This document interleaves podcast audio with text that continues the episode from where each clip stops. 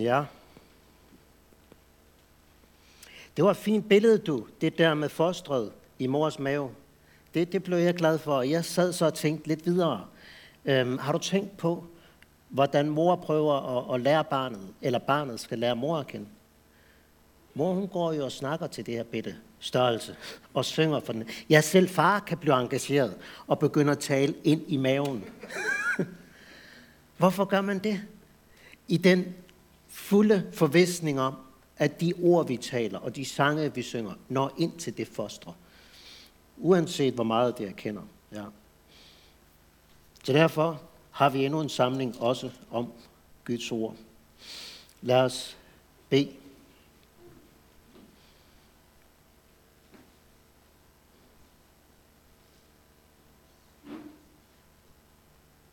Herre Jesus, vi takker dig for, at du har lyst til sandhed i det eneste af hjertet. Så lær du mig visdom i hjertets dyb. Ja, det beder vi om ved din ånd, at du må lære os sandheden. Også slik vi har sunget det. Vik ej frem i et hjerte, dyrebare smerte, åndens fattigdom. Vis mig mine brister. Og det kan jo synes underligt, mærkeligt at bede sådan bøn.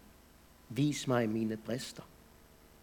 Men det er vores bøn, så vi aldrig mister nådens lægedom. Derfor lær mig visdom i hjertets dyb og rens mig fra synd med isop, så jeg bliver ren. Tvæt mig, så jeg bliver hvidere end snø. Lad mig høre fryd og glæde. Lad de ben, som du har sønderknust, fryde sig. Amen.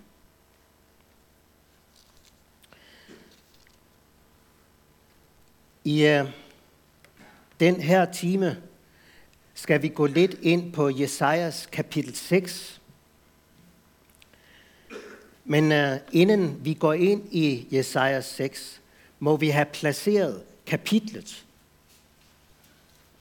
uh, i det sammenhæng. Og der er det vigtigt at begynde igen i kapitel 1, hvor Jesajas siger sådan, efter vi har en tidsbestemmelse for, hvornår han skriver – så er de første ord disse. Hør, der er himler. Lyt til, du jord. Disse åbningsord af Jesajas er faktisk en reference til 5. Mosebog, hvor Moses han holder sin afskedstale og også en afskedssang. Og øh, der siger Moses blandt andet sådan. Han øh, siger, I skal kalde sammen til mig alle de ældste i deres stammer. Så vil jeg tale disse ord for dem og tage himlen og jord til vidne mod dem. Så siger Moses videre, jeg ved, at efter min død vil der gøre det, som er galt, og vige af fra den vejen, jeg har befalt der at vandre. Ulykken skal komme over der i de sidste dage, fordi der gør, som er ondt i Herrens øjne, og ikke ham til vrede ved det, som deres hænder har gjort. Det ved Moses, at ulykken skal komme over der i de sidste dage. Og så kommer hans afskedssang, som begynder i kapitel 32, vers 1. Lyt der himle, lad jorden høre. Så når man kender Gamle Testamente, så ved man, Jesajas begynder, hvor Moses slap. Den dommens tid, Moses forudsagde, den er nu kommet. Og med denne begyndelse, i Jesajas bog, så ser profeten, at det er dommens tid også for Guds folk.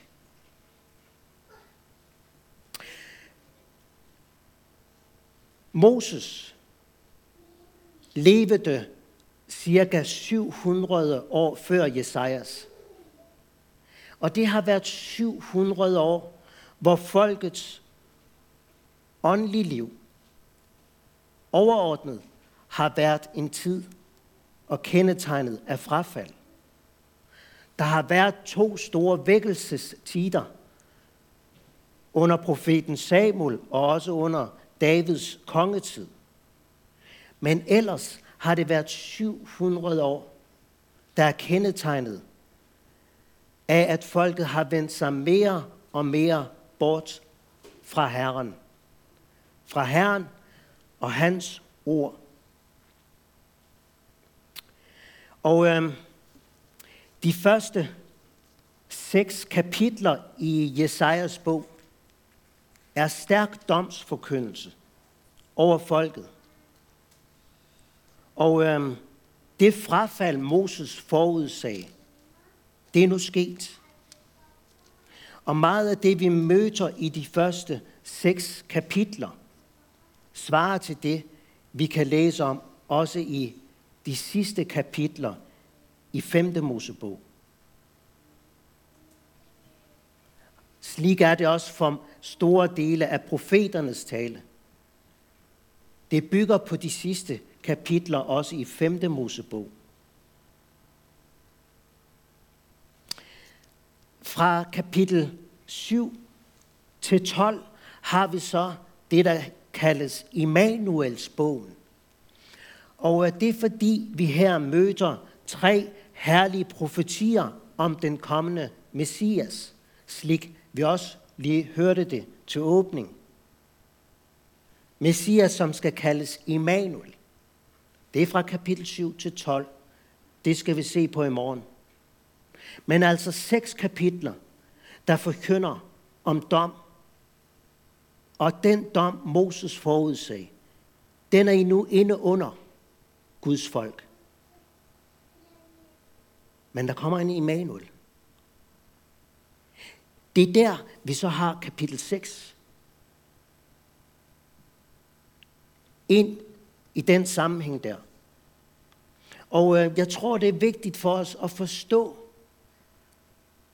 og se den sammenhæng, for at forstå, hvad handler Jesajas 6 om. Nogen vil sige, at Jesajas 6 handler om Jesajas kaldelse, slik der står i min danske bibel. Andre peger på, at der skulle det have været i kapitel 1. For slik er det, når vi hører om profeters kaldelse. Der er det ofte i kapitel 1, der hvor det er beskrevet.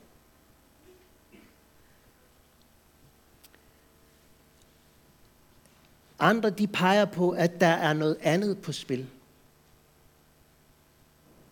Og det, der er på spil, det er, at Jesajas nu får et budskab at gå med, der er et af de tungeste budskaber, nemlig budskabet om forhærdelse. Det er jo slik med Guds ord, at det er et mægtigt ord. Det er et ord til frelse.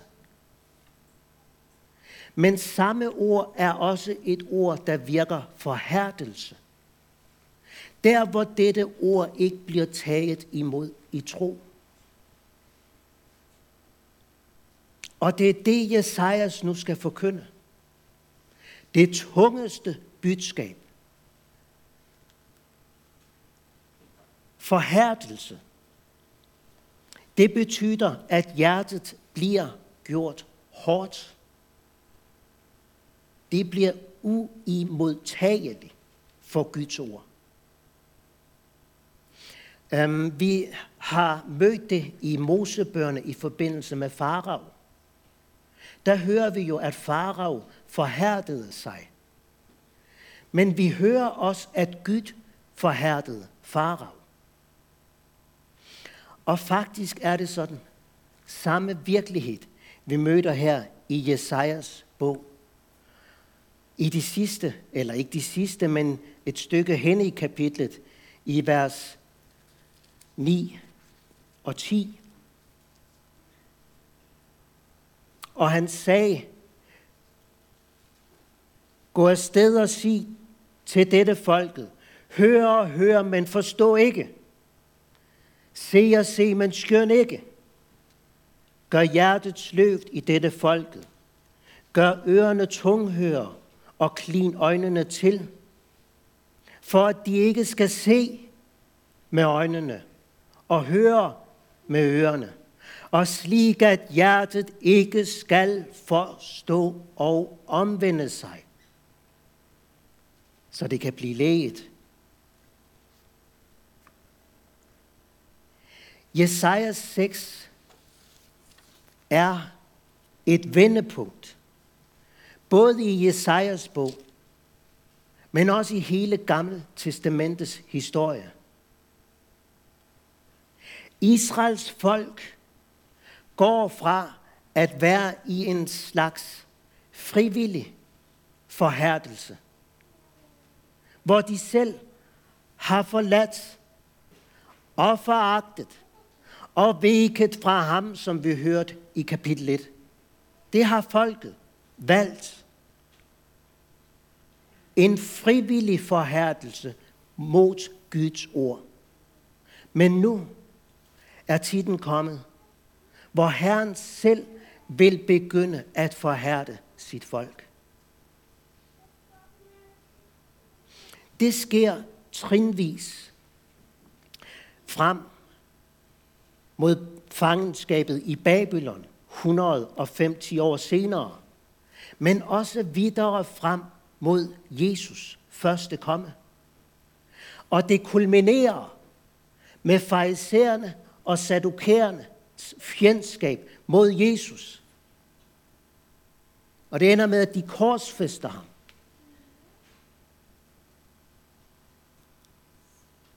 Ser du? Denne forståelse af Jesajas 6,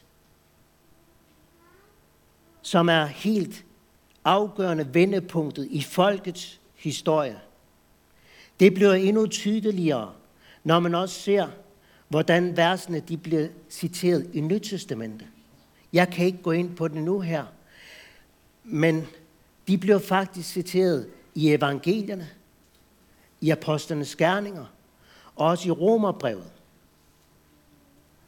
Um, et af stederne i evangelierne um, er i Matthæus 13. Vi kan ikke gå ind på det, men du kan selv læse det senere. I Matthæus 13 begynder Jesus at tale i lignelser. Der har vi den første lignelse. Siger ikke også det? Lignelse. Ja. Der har vi den første lignelse af Jesus.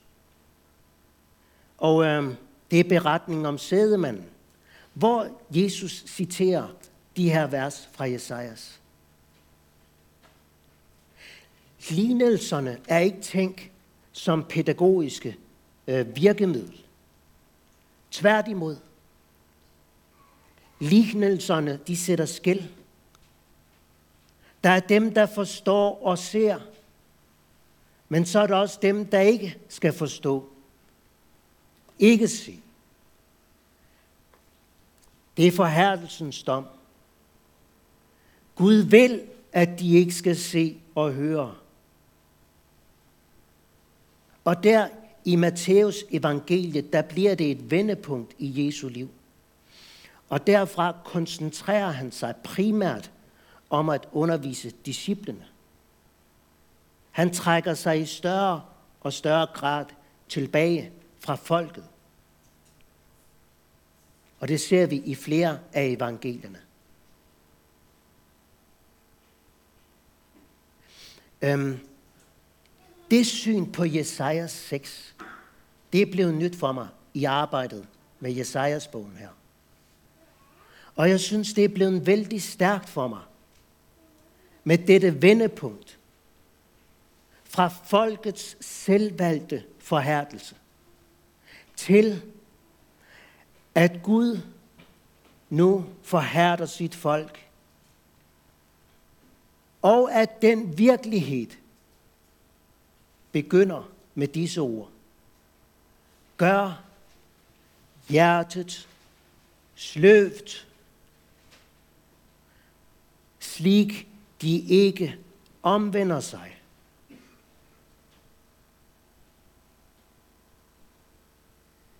Det er forhærdelsens tid. Hjerter bliver sløve. Slip, man ikke kan høre. Det når ikke ind. Og der er ingen anger, ingen bud, ingen omvendelse.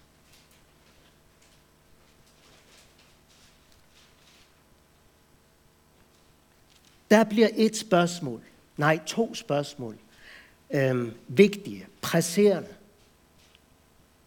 Det første spørgsmål det er, Herre, er det mig? Og det andre spørgsmål, det er, er det os? Er det vores tid?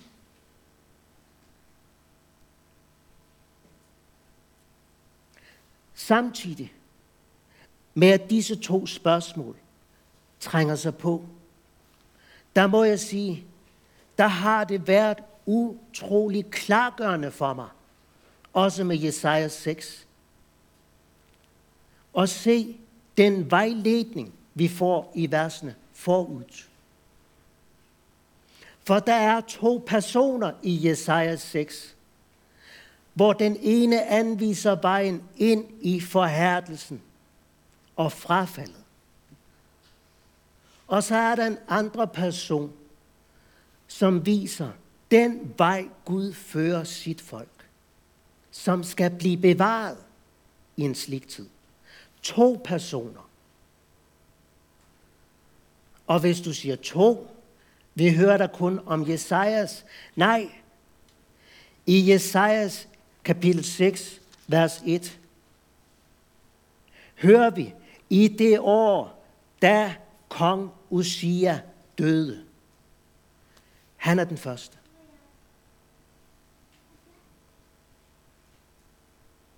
Kong Usia vi må bruge lige lidt tid på at forstå, hvem Usia er og hans situation. For det er med til at kaste lys over denne sag. Usia regerede i 52 år. Juda-rige genvandt sin gamle storhedstid og velstand. Vi hører om ham i 2. krønike kapitel 26, vers 4 og 5, at han gjorde det, som var ret i Herrens øjne, slik som hans far Amasia havde gjort. Han søgte Gud, så længe Zakaria levede. Han, som skyndte sig på Guds syner. Så længe søgte han Herren, og så længe han gjorde det, lod Gud det gå ham vel. Og så hører vi i de næste 10 vers, om, hvordan Gud han hjalp ham. Han blev overmodet mægtig. Mere og mere magt. Han fik en krigsdygtig her. Hans navn nåede vidt omkring. Han fik stor magt. Hans periode omtales også som den anden salomoniske periode i Gammeltestamentets historie, og det siger jo ikke så lidt. En tid med velstand, fremgang. Så sker der det, som ofte sker, når menneskehjertet oplever fremgang på alle områder. Vers 16. Da han blev mægtig, blev han overmodig i sit hjerte – til sin egen undergang. Kan du se det? Fremgang i livet. Men det bliver undergang i hjertet. Og vi hører, at han blev ulydig mod Herren sin Gud. Ulydig mod Herren sin Gud. Selv da han gik ind i Herrens helligdom for at brænde røkelse på røkelses offeraldret. Det er jo bøndens plads, han går ind i. En mægtig, fremgangsrig, velhavende mand, og nu i bøn. Men herinde, i bønnen, bliver han mødt med et ord. Ikke direkte fra Herren, men fra præsten, Asaja. Han gik ind efter ham, og med ham otte af herrens præster, modige mænd. De trådte frem mod kong Usia sagde til ham, det tilkommer ikke dig, Usia, at brænde røkelse for herren, men bare præsterne, Arons sønner, de som er videt til det. Gå ud af helligdommen, for du har været ulydig. Og det bliver der ikke til ære for Gud, Herren. Slik møder Usia dommen. Læg mærke til det. Han bliver mødt med et domsord. Du har været ulydig. Ulykken for Usia, det er ikke dette domsord, ret forstået. For som vi har set i kapitel 1, så er Guds domsord altid med henblik på omvendelse. Kom, lad os gå i rette med hverandre. Ulykken for Usia, det er hans reaktion mod dette domsord. Da blev Usia vredt. Og om denne mægtige leder havde gjort slik en anden leder, da han fik at vide, du er manden. Der sagde David, jeg har syndet mod Herren. Det gjorde Usia ikke. Han ville ikke høre dommens ord. Han blev vredt.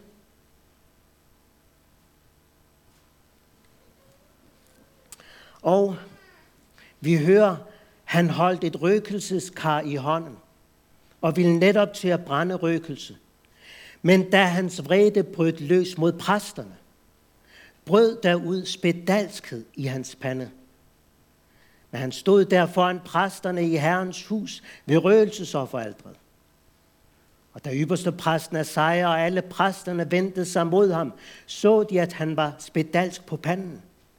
Der drev de ham rask bort derfra, og selv skyndte han sig også at komme ud, for Herren havde slået ham. Siden var kong Osias spedalsk til sin dødsdag. Han boede i et hus for sig selv som spedalsk, for han var udelukket fra Herrens hus. Spedalsk, spedalsk, spedalsk. Han er uren, uren, uren. Hvilken tragisk skikkelse med Usia. Fremgang i livet. Overmod i hjertet. Undergang i ånden. For mig at se, så står Usia som det første advarende eksempel på Esajas domsbudskab. Ørerne er blevet tunghører. Et hjerte, der ikke forstår, og ingen omvendelse. Og nu spedalsk, uren, ydelukket fra Herrens hus. Det var kong Usia stød. Det er den reference, Jesajas begynder kapitel 6 med. I kong Usias dødsår. Og kære Kristi venner, Vi lever jo i Norden og i den vestlige verden på mange måder i en sådan salomonisk periode med fremgang, med velstand. Og som jeg spurgte før, så spørger jeg nu igen. Er det vores tid?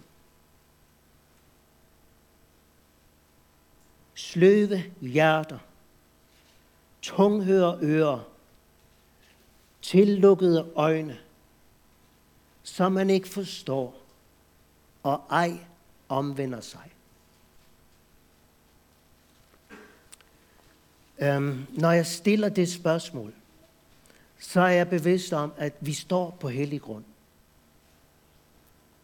Kun Herren kender det fulde og endelige svar på det spørgsmål.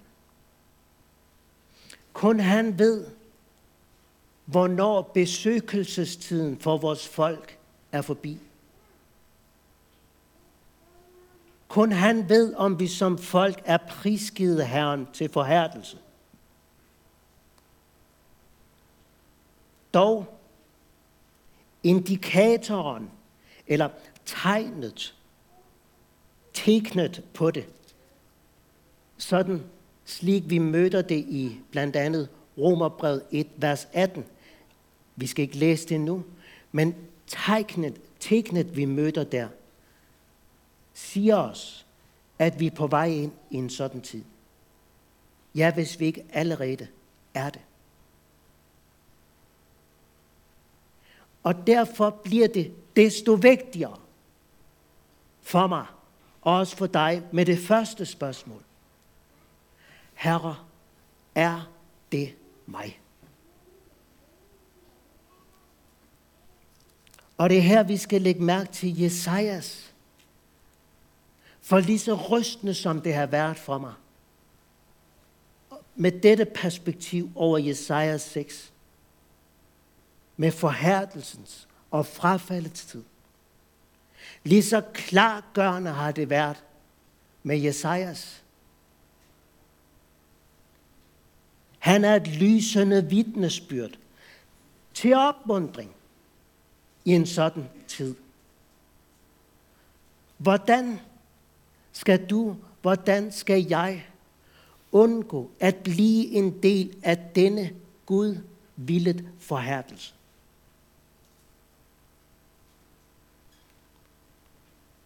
Det finder du ud af ved at se, hvor Jesaja stod. Nu har vi set Usia. Nu skal du lægge mærke til Jesaja.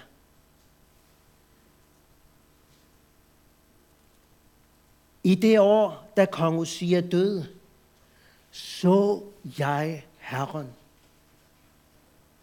sætte på en høj ophøjet troner og slæbet af hans kåbe fyldte templet. Serafer stod omkring ham. Seks vinger havde hver. Med to dækkede han ansigtet, med to dækkede han fødderne, og med to fløj han. Og den ene råbte til den anden og sagde, Hellig, hellig, hellig er Herren, herskarnes Gud. Al jorden er fuld af hans herlighed. Dørposterne fester, øh, blev ved rysten af dem, som råbte, og huset blev fyldt med røg. Da sagde jeg, ved mig, jeg er fortabt. For jeg er en mand med urene læber, og jeg bor midt i blandt et folk med urene læber. Og mine øjne har set kongen, Herren, herskarernes Gud. Her står Jesajas. Foran den hellige, hellige, hellige, hvor selv englene, som er rene og yden synd, må skjule ansigt og fødder. Selv de kunne ikke se den almægtige. Foran den hellige, hvor Jesaja ser, jeg er den urene. Og Jesaja fælder selv dommen over sig. Jeg er en mand med urene læber. Ved mig, jeg er fortabt. Kan du fornemme forskellen fra Usia? Usia blev mødt med et dommens ord, og han blev vredt. Jesajas bliver mødt med dommens ord og bekender, jeg er fortabt. For han møder den hellige selv, ham som er ordet. Og i mødet med ham, med ordet, gør han sig et med dette ord og siger, jeg er fortabt. Urene læber. Og det betyder også, at hjertet er urent. For i Bibelen er der jo en sammenhæng mellem hjertet og munden. Han står altså gennem skud i det inderste af hjertet. Han har lært sandhed at kende i hjertet. Jeg er fortabt. Og Esajas siger, jeg har ikke noget fortrin. Jeg har ikke nogen fordel eller fortrin frem for mine landsmænd. Jeg er en mand med urene læber. Jeg bor midt i blandt et folk med urene læber. Et folk på vej ind i Herrens prisgivelse.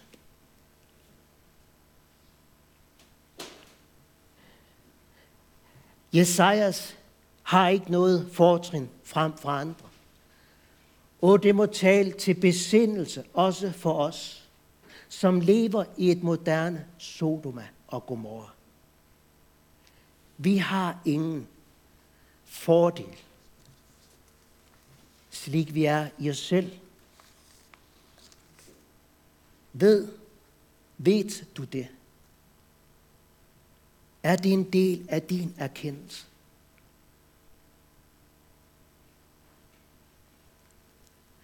To mænd, Usia og Jesaja, står begge foran Herren i bøn. To urene mænd. Den ene bliver vredt over dommens ord, og han dør uren. Evigt borte fra Herren. Den anden lader mødet med Guds hellighed fælde dommen over sig selv.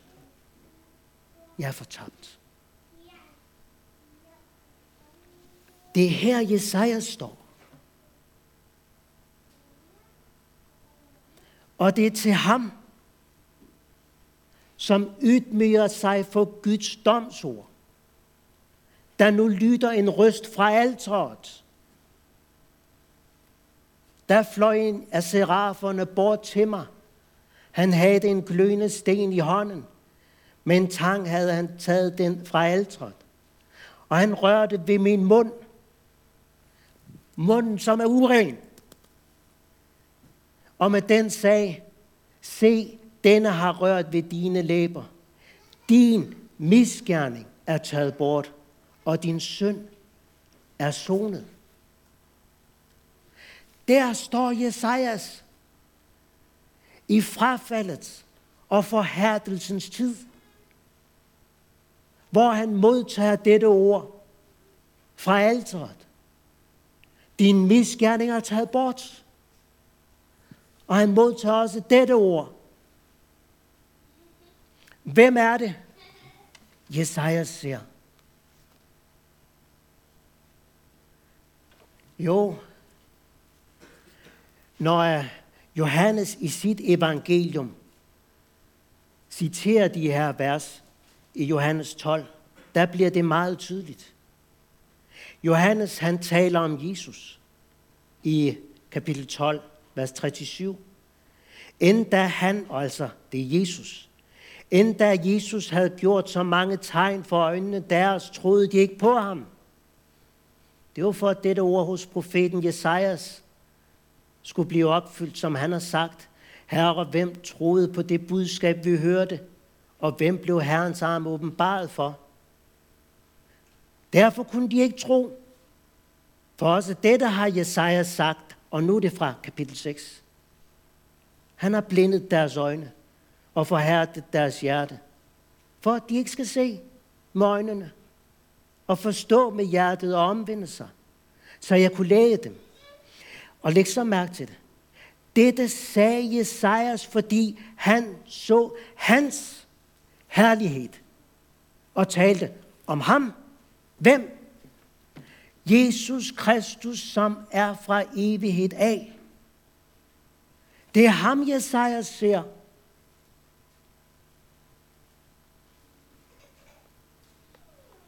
Der i sin fortabthed står Jesajas og ser Jesu evige herlighed. Ser Kristus, før han blev menneske. Han, som fra evighed er Gud. Og han ser offeret på korsets evige herlighed.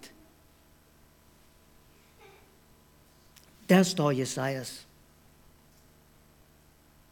og skuer ind i korsets gåde allerede i Gamle Testamentet.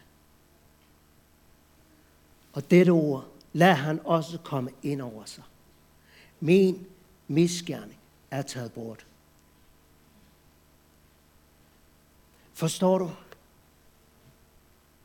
Som Guds folk, så siger vi ikke, gå hen til korset. Nej, vi siger, vi siger, kom til korset. For vi har selv brug for det. Korset er ikke noget, man siger, gå hen til. Korset er noget, man siger, kom til. Med mindre man er på vej ind i forhærdelsens tid. For der forsvinder korset og dets betydning for din sjæl. Han står som modtager af ordet fra den himmelske helligdom, hvor Guds lam er slagtet fra evighed af. Din misgerning er taget bort. Din synd er sonet. Der står Jesajas. Og så må jeg spørge, hvor står du? Der er Usia. Og så er der Jesaja.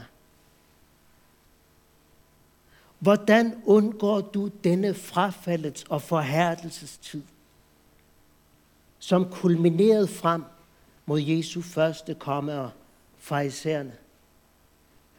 Hvordan undgår jeg at komme ind i det? Og blive en del af dette frafald? Hvordan undgår jeg forhærdelsen? Der er det vigtigt for mig at understrege, at forhærdelsens årsag ikke skyldes din urenhed. Det skyldes ikke, at du har gjort dig skyldig til fortabelsen. Det var Esajas jo. Ved mig, jeg er fortabt. Så det er ikke det, der er forhærdelsens årsag. Nej, forhærdelsens årsag er, at folket ikke står, hvor Isaiah stod. Den erkendelse af sandheden Sandheden også om, hvem jeg selv er. Sandheden, der siger, hvad har jeg dog gjort? Den sandhed, den er forsvundet.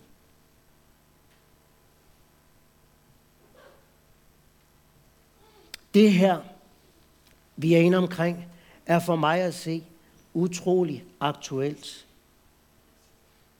og en advarsel, vi også trænger til at stanse op for som Guds folk. Og det er jo kanskje lidt af en påstand. Men øh, for mig at se, så står vi i samme fare for os at blive ført ind også i Guds billede forhærdelse. Øhm, det er ikke noget, der sker med et fingerknips. Men jeg tænker på, at selv blandt de bibeltro, slik jeg kan opleve det i Danmark i hvert fald, bibeltro kristne, selv blandt dem, kan du møde en modstand mod talen om Guds vrede. En modstand mod at tale alt for stærkt om synd. En modstand mod at tale om den dobbelte udgang. Og er det ikke modstand, så fortiger man det. Fortiger og fortiger. Og i lyset af Esajas 6, der skulle Usia få os til at ryste, for selv den mindste tanke på det. Den mindste tanke på at ville nedtone, fortige talen om den hellige. Det her, det er altså så aktuelt. Både når du tænker på, hvad der bliver prædiket, skrevet, og hvad der bliver lavet af podcast. Og øh, ja, for et par måneder siden sad jeg og talte med en omkring et magasin, der skulle udgives. Et evangeliserende magasin. Hvor vi taler om, at Guds vrede, Guds hellighed og synden, den står utrolig svagt. Hvor til vedkommende siger, jamen skal vi altid have det med. Der må være en grundforståelse for, at vi står over for den hellige. Osia skulle få os til at ryste, som sagt, for den mindste tanke, på at ville sige, det blev jo hans død. Evige død.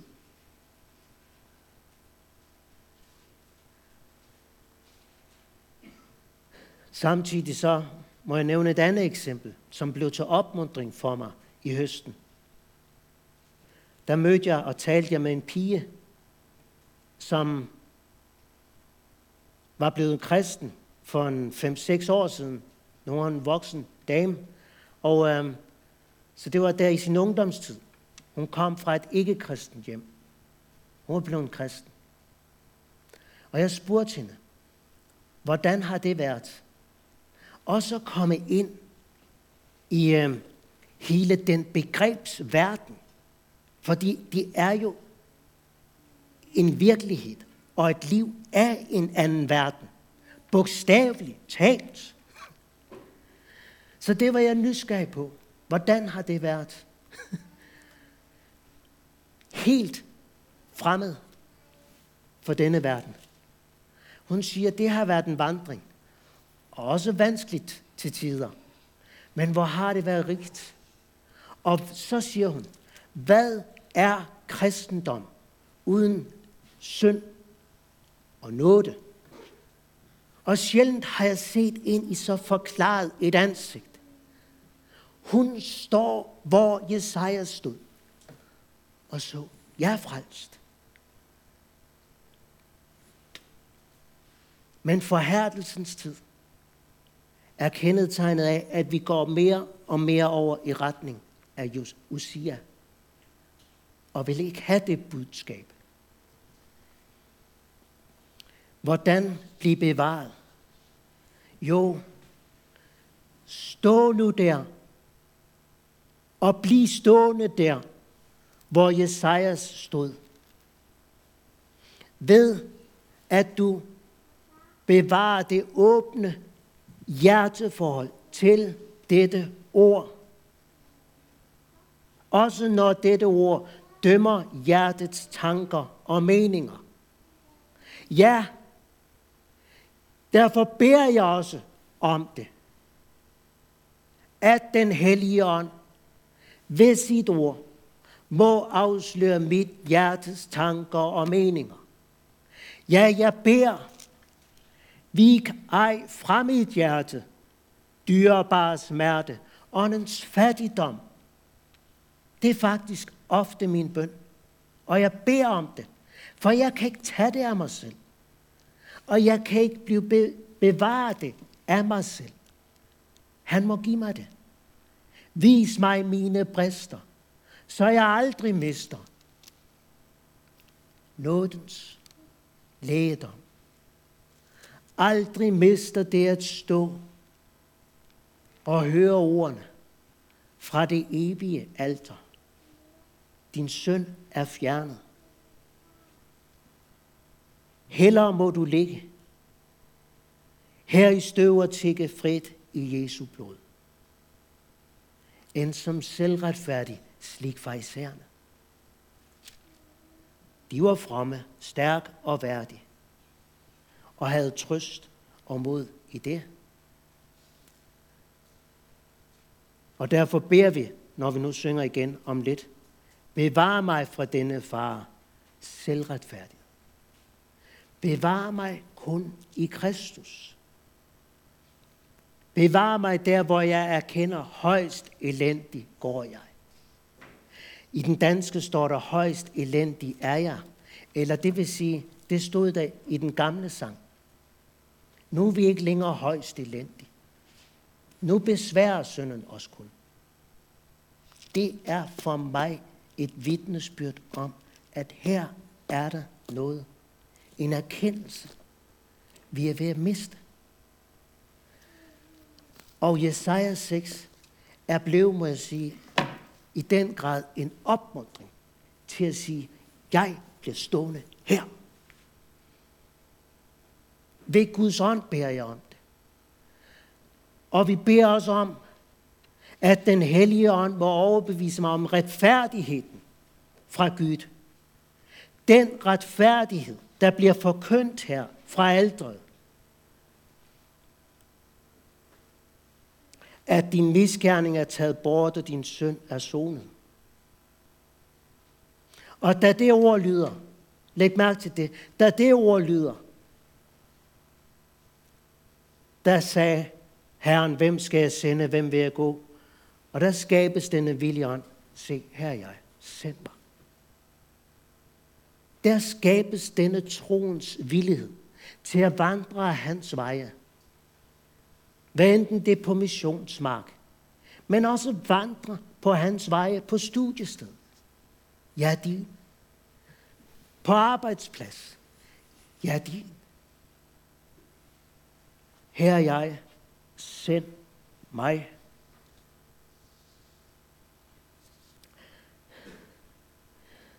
Og der vil jeg så til sidst i kapitlet pege på dette, vers 13.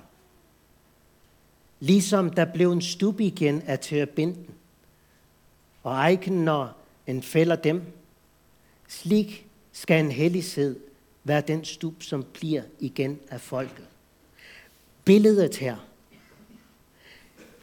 det kan være, at du føler, du er med i et mindretal – og det kan se som om, vi bliver færre og færre. Og til sidst bare sidder på en træstup. Men selv for dem, der i antal er en lille rest, der kommer Jesajas og siger, siger, bliv stående her for den hellige, hellige, hellige ansigt, hvor du modtager søndernes forladelse. Hvor du ser Jesus. For der er Gud med dig. Og det skal vi se på i morgen fra kapitel 7. At der er nogen i Emanuels bogen, hvem Gud er med. Selv i denne dommens og forhærdelsens tid. Bliv stående der, hvor Jesaja stod. Jeg blev stående der, hvor David stod. Og øh, der vil jeg slutte med at inddrage disse vers fra salme 51. Jeg tænkte, jeg begyndte med nogle af versene fra salme 51. Og jeg tænker, skal jeg give dig et godt råd og noget konkret, så er det at bede også over salme 51 i det lys, vi her har set Jesaja 6 i. Lad os bede sammen. Skjul dit åsyn for mine sønner, og udslet alle mine misgerninger. Gud, skab i mig et rent hjerte, og forny en stadig ånd i, inde i mig. Og Gud, vi må også sige, kast os ikke bort fra dit ansigt, fra dit åsyn. Og tag ikke din hellige ånd fra mig. Slik må vi bede hver enkelt af os.